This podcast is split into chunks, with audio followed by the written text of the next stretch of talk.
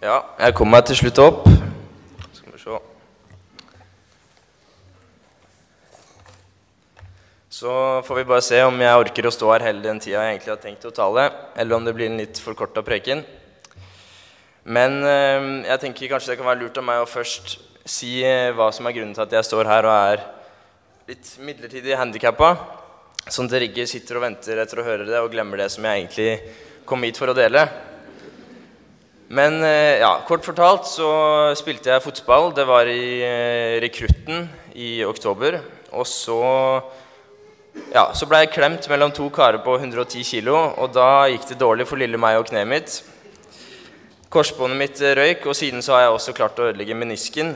Så eh, da måtte jeg ta en liten operasjon. Nå er det fem uker siden den operasjonen, og det går egentlig ganske bra nå. Og ellers i år så er jeg jo som sagt i Forsvaret. Og den siste tida så har jeg også vært i full gang med å søke meg inn på Politihøgskole og som idrettslærer. Så som dere skjønner, så kommer denne skaden fra mitt perspektiv så kommer det ganske ubeleilig. Men litt av dette med ubeleilighet og uforutsette ting, det er noe som jeg også kommer til å snakke litt om etter hvert i det som jeg vil dele med dere i dag. Men eh, først så har jeg også lyst til å takke for at jeg igjen har fått lov til å, bli, å komme hit til Telemark menighet. Menigheten her på Skauen det er en menighet som jeg også føler at jeg Eller jeg føler meg ganske hjemme her. Og det er en menighet som, eh, som jeg trives i. Og jeg trives jo faktisk så godt at jeg har eh, bestemt meg for å gifte meg her. Eller ja, det er ikke bare jeg som har tatt det valget, altså. Men, eh, men eh, meg og Remine, vi skal gifte oss her i sommer. Så det er en åpen vielse. Så med det så får dere lov til å komme hvis dere ønsker det. Og hvis jeg ikke tar helt feil, så er det nok eh, allerede et par stykker i denne salen som ikke har noe valg om de vil komme eller ikke. Uansett så setter jeg stor pris på å komme hit. Og når man blir spurt om å tale, så er det jo alltid et spørsmål om man skal velge å tale over søndagens tekster, eller eh, om man skal snakke om et helt annet tema. Og I forberedelsen min innenfor denne talen så leste jeg prekenteksten og lesetekstene for søndagen. Og så fant jeg ut at det ble de tekstene som jeg ønsker å dele noen tanker fra. Så da har jeg lyst til at vi først samles i bønn. Kjære Gud, jeg takker deg for at vi kan samles her i dag takker deg for at eh, du har gitt meg muligheten til å komme hit til Skien, og jeg ber om at eh, det jeg skal si nå, at jeg må komme fra deg. La det være dine ord som taler gjennom meg. Så ber jeg om at du må la Den hellige ånd være til stede og hjelpe de som sitter her, til å lytte. Og la det som blir sagt, treffe noen på akkurat den måten som de trenger det i dag. Amen. Liten voice crack der, ja. Eh, jeg tenker vi leser fra prekenteksten først, sammen, som vi finner i Johannes evangeliet, kapittel 16, vers 16-22. Om en liten stund ser dere meg ikke lenger, og om en liten stund igjen skal dere se meg. Da sa noen av disiplene hans til hverandre, Hva mener han med dette som han sier til oss? Om en liten stund ser dere meg ikke lenger, om en liten stund igjen skal dere se meg. Og jeg går til Faderen. De sa derfor, hva betyr dette som han sier? En liten stund. Vi skjønner ikke hva han taler om. Jesus visste at de ville spørre ham, og han sa til dem, Er det dette dere drøfter med hverandre, at jeg sa, Om en liten stund ser dere meg ikke lenger, og om en liten stund igjen skal dere se meg? Sannelig, sannelig, sier jeg dere, dere skal gråte og klage, men verden skal glede seg. Dere skal ha smerte, men deres smerte skal bli til glede. Når en kvinne skal føde, har hun smerte fordi hennes time er kommet. Men når hun har født barnet, minnes hun ikke sin trengsel mer, i glede over at et menneske er født til verden. Slik har også dere smerte nå. Men jeg skal se dere igjen, og deres hjerte skal glede seg, og ingen tar deres glede fra dere. De versene som vi kan lese her, det er slutten fra eller det er henta fra slutten på Jesu tale til disiplene. Den siste som han holder den den aller siste kvelden før han skal dø. Og Det er på en måte en slags oppsummering av det som han tidligere har sagt til dem, samtidig som han også fører denne samtalen videre til et punkt hvor de bekjenner den tro hans tale har tatt sikte på å skape, nemlig at han er sendt av Gud.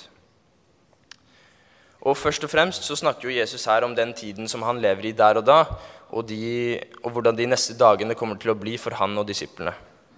Han begynner å forberede dem på det som skal skje, at han skal dø og bli borte, men at han også etter noen dager skal vise seg igjen. Og som vi leser her, så skjønner ikke disiplene hva han mener med det han sier. For vi leser at hva betyr dette som han sier? En liten stund. Vi skjønner ikke hva han taler om. Og Jeg har lyst til å først stoppe litt opp ved det her. For det her kommer jo midt i denne talen, som egentlig er uh, veldig alvorlig. Og det som skal skje med Jesus, det er jo en av de største og mest betydningsfulle tingene som har skjedd i verdenshistorien. Men så allikevel så har man på en måte fått med seg det veldig menneskelige over disiplenes svar. Vi skjønner ikke hva han taler om. Vi skjønner ingenting. Og det er jo heller ikke så rart at de ikke skjønte noe. For Jesus han forteller dem jo på ingen måte her i dette avsnittet direkte hva som vil skje. Men han forbereder dem på at det er noe som er i vente. Og han sier også til dem at de skal gråte og klage. Og han sier rett og slett at de skal ha det forferdelig. Han sammenligner til og med den smerten som de skal føle på, med den smerten som en eh, kvinne føler når hun føder. Og på samme måte så sammenligner han også den gleden som de skal føle ved På samme måte som en mor føler ved å se sin nyfødte unge, med den gleden disiplene vil se når de igjen får se Jesus. Og Noe av det som har slått meg når jeg har lest disse versene, er den mulige sammenligningen mellom disiplene som ikke skal se Jesus, og at de om en stund igjen skal få se ham. Og så har vi på den andre siden oss, for vi ser nemlig heller ikke alltid Jesus. Og vi føler kanskje ikke alltid at vi kan se ham her og nå, men så skal vi også en gang få se ham igjen. Og Særlig så blir denne måten å se teksten på ganske tydelig for meg i vers 20, hvor det står Sannelig, sannelig, jeg sier dere, dere skal gråte og klage, men verden skal glede seg. Dere skal ha smerte, men deres smerte skal bli til glede. Vi, vi skal gråte og klage her på jorden, mens verden rundt oss skal glede seg. Og dette tror jeg kan beskrive litt av eh, hvordan vi som kristne kanskje kan føle det noen ganger i dag. Jeg føler i hvert fall ofte at det er ganske mye vondt og forferdelig i den verden her. Folk vender seg fra Gud og velger å leve på, på den måten som de selv ønsker. Og vi kan også se at det er så mange som gleder seg over denne verden, og som lever i et liv i synd, et liv som er helt imot Guds gode vilje for menneskene. Og på samme måte som eh, Jesus sier til disiplene at de kommer til å smerte, men opplever glede, på samme måte vil vi til tider oppleve stunder her på jorden som er rent smertefulle. Men også våre smerter skal en gang bli til glede den dagen når Jesus kommer igjen. På samme måte som disiplenes smerte også blir vendt til glede når han sto opp fra de døde. Men den tida underveis den er jo ikke bare lett. Og vi kan føle at Gud er veldig langt unna til tider. Akkurat som disiplene ikke så Jesus i den perioden, perioden hvor de gråt og hadde smerte. Og til tider så kan livet vårt på jorda være akkurat sånn. Og noe av det aller verste det er jo når det skjer uforutsette og fæle ting som vi ikke kan kontrollere selv. For vi mennesker vi liker jo gjerne å, kontroll, å ha kontroll. Eller de fleste gjør i hvert fall det. Og jeg liker i hvert fall å ha kontroll over mitt eget liv. Og når da f.eks. en sånn skade som jeg har fått, eh, setter meg helt ut av spill og på en måte ødelegger alle de planene som jeg hadde satt for det kommende året, ja, da følte jeg på starten, eller i starten på ingen måte at eh, Gud hadde en god plan for meg, eller at jeg kunne se Jesus i livet mitt. Jeg har jo gått i flere uker og på en måte lurt på ja, hva skal jeg gjøre nå, egentlig. Ikke så kan jeg bli politi, ikke kan jeg gå inn igjen i den stillingen jeg hadde i Forsvaret som brannmann. Og jeg kan heller ikke søke som idrettslærer. Så jeg så på en måte bare mange lukka dører fra mitt perspektiv.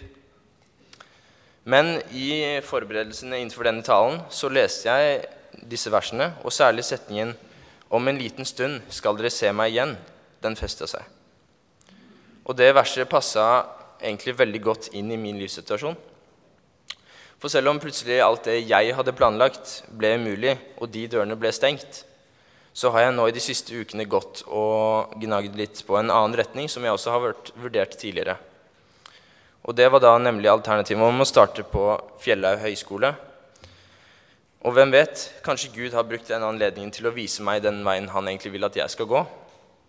Jeg så bare lukka dører, men nå i det siste så har jeg begynt å føle meg mer trygg på at Gud har brukt denne anledningen til å åpne den døren han egentlig vil at jeg skal gå inn i. Så for min del så er planen nå blitt å starte på kristendomskunnskap på Fjellhaug. Og det var jo en retning som jeg egentlig hadde lagt helt fra meg, helt til valget, og denne veien plutselig føles veldig åpenbar. Og så er det jo sånn at i livene våre så kan det skje veldig mye, og veldig mye verre ting enn at jeg har fått en liten kneskade. Og det er ikke sånn at jeg mener at eh, den skaden her er så fryktelig. Men og ja, min livserfaring den er jo veldig kort sammenligna med all den erfaringen som sitter her inne. Og det er jo så mange andre ting vi på ingen måte klarer å få noe godt ut av, og ikke kan skjønne hvorfor, hvorfor Gud lar skje. Dette kan være alvorlig sykdom, det kan være problemer i ekteskap eller familie, eller plutselig dødsfall. Og vi er bare mennesker, og det kan være fryktelig tungt og mulig å skjønne hvorfor Gud lar sånne ting skje. Men dette verset, dette verset, har vært med å minne meg på at vi kan ha det litt som disiplene her på jorda. For i det ene sekundet så har vi fellesskap med Jesus, og vi føler at livet er helt topp. Men så, i det neste, så kan det skje noe som gjør at han kan bli helt borte for oss. At vi kan gråte og klage og ha en sånn fryktelig smerte. Men midt i dette vonde, samme hvor vanskelig det kan være å se for oss der og da, så kan Gud bruke en lukka dør i våre øyne til å åpne en ny dør som han har hatt i planene sine hele tida. For som Jesus sa til disiplene, 'Jeg skal se dere igjen, og deres hjerter skal glede seg'. Og kanskje kan Gud bruke noen tyngre perioder i ditt liv til å føre deg nærmere i forholdet til ham. Kanskje han trenger å lukke en dør som du var på full fart inn i, men som Gud egentlig ser ville dratt deg lenger unna ham. Jeg tror personlig at jeg trengte denne skaden for å kunne starte på fjellet, og på det viset komme nærmere Gud og lære mer om ham og hva jeg egentlig tror på. Men så kommer det jo fortsatt de periodene hvor vi faktisk har det veldig tungt. Ikke ser glede i noen ting. Vi kan føle at Gud ikke er nærme på noe som helst måte. Og hvordan kan vi da ved livene våre vise andre mennesker at Jesus finnes, vise hans kjærlighet og vise at han er noe som man burde bygge livet sitt på, når ikke vi engang selv kan føle at han er til stede i våre liv? Ja, Hvordan fører dette til at vi lever livene våre? Går vi rundt og tenker at ja, verden den er gått så langt, og den har forfalt så mye at det er egentlig ikke noe håp uansett? Eller så kanskje man er inne i en så kjip periode hvor det skjer så mye kjipt og dumt at vi innerst inne egentlig kan lure på hvorfor, ja, hva gjør vi egentlig her? Hva er meninga med et sånt liv? For hva, hva er egentlig meninga? Vi som tror på Jesus, vi skal jo få komme til himmelen og evigheten. Hva er det da vi venter på her? Og Med disse spørsmålene så har jeg lyst til å sitere Bo Gjert, som i sine bøker om forklaringen av Det nye testamentet skriver For det finnes under alle forhold en glede som ingen kan ta fra oss. Kristus har oppstått, han lever, og han kommer til å beholde den evige seieren. For Gud, han har skapt oss til mer enn bare evigheten. Han har skapt oss til å leve et liv som mennesker her og nå, i fellesskap med Gud. Og vi er ikke bare frelst for å tjene eller for å oppnå evigheten, men vi er faktisk også frelst for å leve sammen i fellesskap med Gud og være gode forvaltere av de gavene som Han har gitt oss her på jorda. Men så er vi også frelst til å være Guds medarbeidere, slik at vi kan være med og gi videre denne gleden som vi har fått, som vi har under alle forhold. Dele dette gode budskapet og den gode gaven som vi har fått av Gud, og leve som Jesus i møte med andre mennesker. Og Her har jeg lyst til å trekke inn en av dagens lesetekster, som Karsten leste for oss i stad. Den er henta fra Filipperne kapittel 3, vers 12-14. Ikke så at jeg alt har nådd dette eller allerede er fullkommen. Men jeg jager etter det for å kunne gripe det, fordi jeg selv er grepet av Kristus Jesus. Brødre, jeg mener ikke om meg selv at jeg har grepet det. Men ett gjør jeg. Jeg glemmer det som ligger bak, og strekker meg ut etter det som er foran, og jager mot målet, til den seiersprisen som Gud har kalt oss til, der ovenfra, i Kristus Jesus. Etter eh, året mitt på bibelskolen, før jeg skulle inn i militæret, så følte jeg meg veldig klar for å dra inn dit. Jeg følte meg klar til å dele evangeliet, og jeg, følte at, eller jeg var overbevist om at dette var noe som jeg kom til å snakke mye med folk om. Jeg hadde store planer, og jeg gleda meg på en måte nesten til å omvende folk til tro. Og nå er det over ni måneder siden som, som, jeg hadde innrykk. Og jeg har de siste ukene nå som jeg har vært litt uh, mye hjemme, sett litt tilbake på det året her og prøvd å tenke på det i forhold til den målsetningen som jeg hadde da. Og først og fremst så er jeg veldig glad for at jeg gikk inn i Forsvaret med en åpenhet og overbevisning om troa mi. Og jeg har nå sett i etterkant at dette faktisk har betalt seg. For jeg kom i kontakt med mange, og jeg fikk en god del samtaler om tro og tvil, og også mange diskusjoner om alle verdens moderne problemstillinger. Så ja, jeg har fått delt, men samtidig så er jeg liksom ikke helt fornøyd. For jeg sitter også igjen med en litt sånn skuffa følelse over at jeg ikke har delt mer. Jeg kommer jo stadig på situasjoner og hendelser hvor jeg kunne ha delt mer om troa mi, eller hvor jeg kunne ha stått opp mer eller sagt ifra hvis det var ting jeg reagerte på eller ikke var enig i. Og det har vært mange dager hvor jeg har tenkt at nå framover så skal jeg snakke mer om Jesus. Og jeg skal leve mer som Jesus. Og så kommer neste dag, og så lever man egentlig akkurat på samme måte som før. Det kommer nye situasjoner hvor man i etterkant tenker at der burde man egentlig handle litt annerledes. Hvor ble det av 'What would Jesus do' her? Og da har jeg igjen lyst til å se tilbake til dette verset som vi nettopp leste. Ikke så at jeg alt har nådd dette, eller allerede er fullkommen. Men jeg jager etter det for å kunne gripe det, fordi jeg selv er grepet av Kristus Jesus. Brødre, jeg mener ikke om meg selv at jeg har grepet det, men ett gjør jeg. Jeg glemmer det som ligger bak, og strekker meg ut etter det som er foran, og jager mot målet, til den seiersprisen som Gud har kalt oss til, der ovenfra, i Kristus Jesus. Og Paulus han sier det her akkurat sånn som jeg noen ganger trenger å høre det.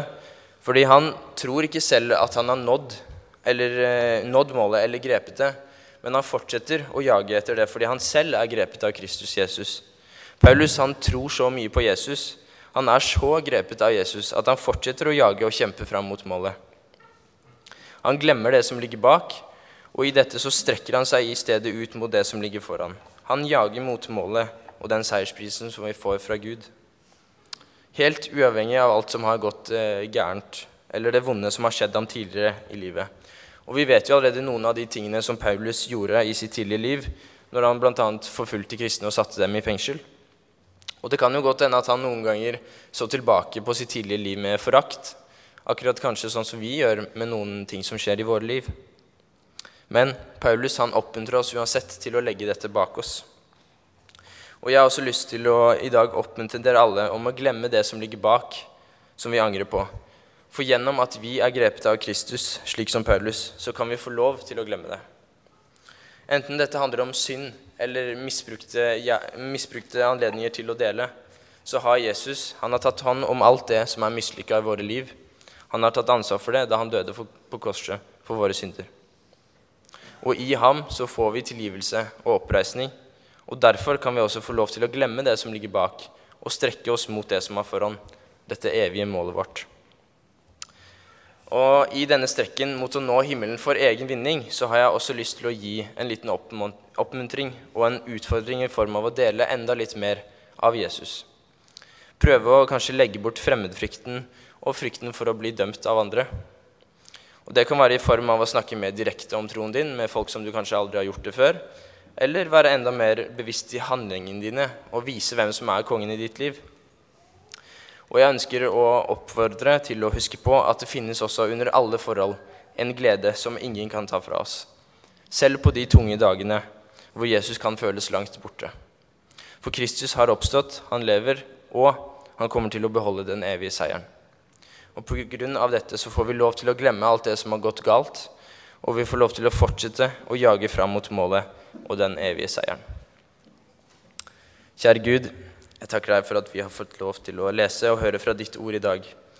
Jeg takker deg for at du sendte din sønn til soning for våre synder. Jeg takker deg for at han oppsto igjen, at han lever, og at han har fått lov til å beholde den evige seieren. Jeg ber om at du må hjelpe oss til å huske på dette, selv i de dagene som, hvor vi har det kjipt og tungt, og det kan føles ut som at du er så langt borte. Jeg ber om at du må hjelpe oss til å stole på at du har kontroll, og at du kan bruke de kjipe tingene i våre liv og snu de om til nye muligheter. Jeg ber også om at du må hjelpe oss til å glemme det gale som vi har gjort, og legge det bak oss. For gjennom at vi er grepet av Kristus, så skal vi få lov til det. Jeg ber også om at du må hjelpe oss til å dele denne fantastiske gaven videre med andre, kjære Gud. Gi oss større frimodighet og vilje til å dele. I Jesu navn. Amen.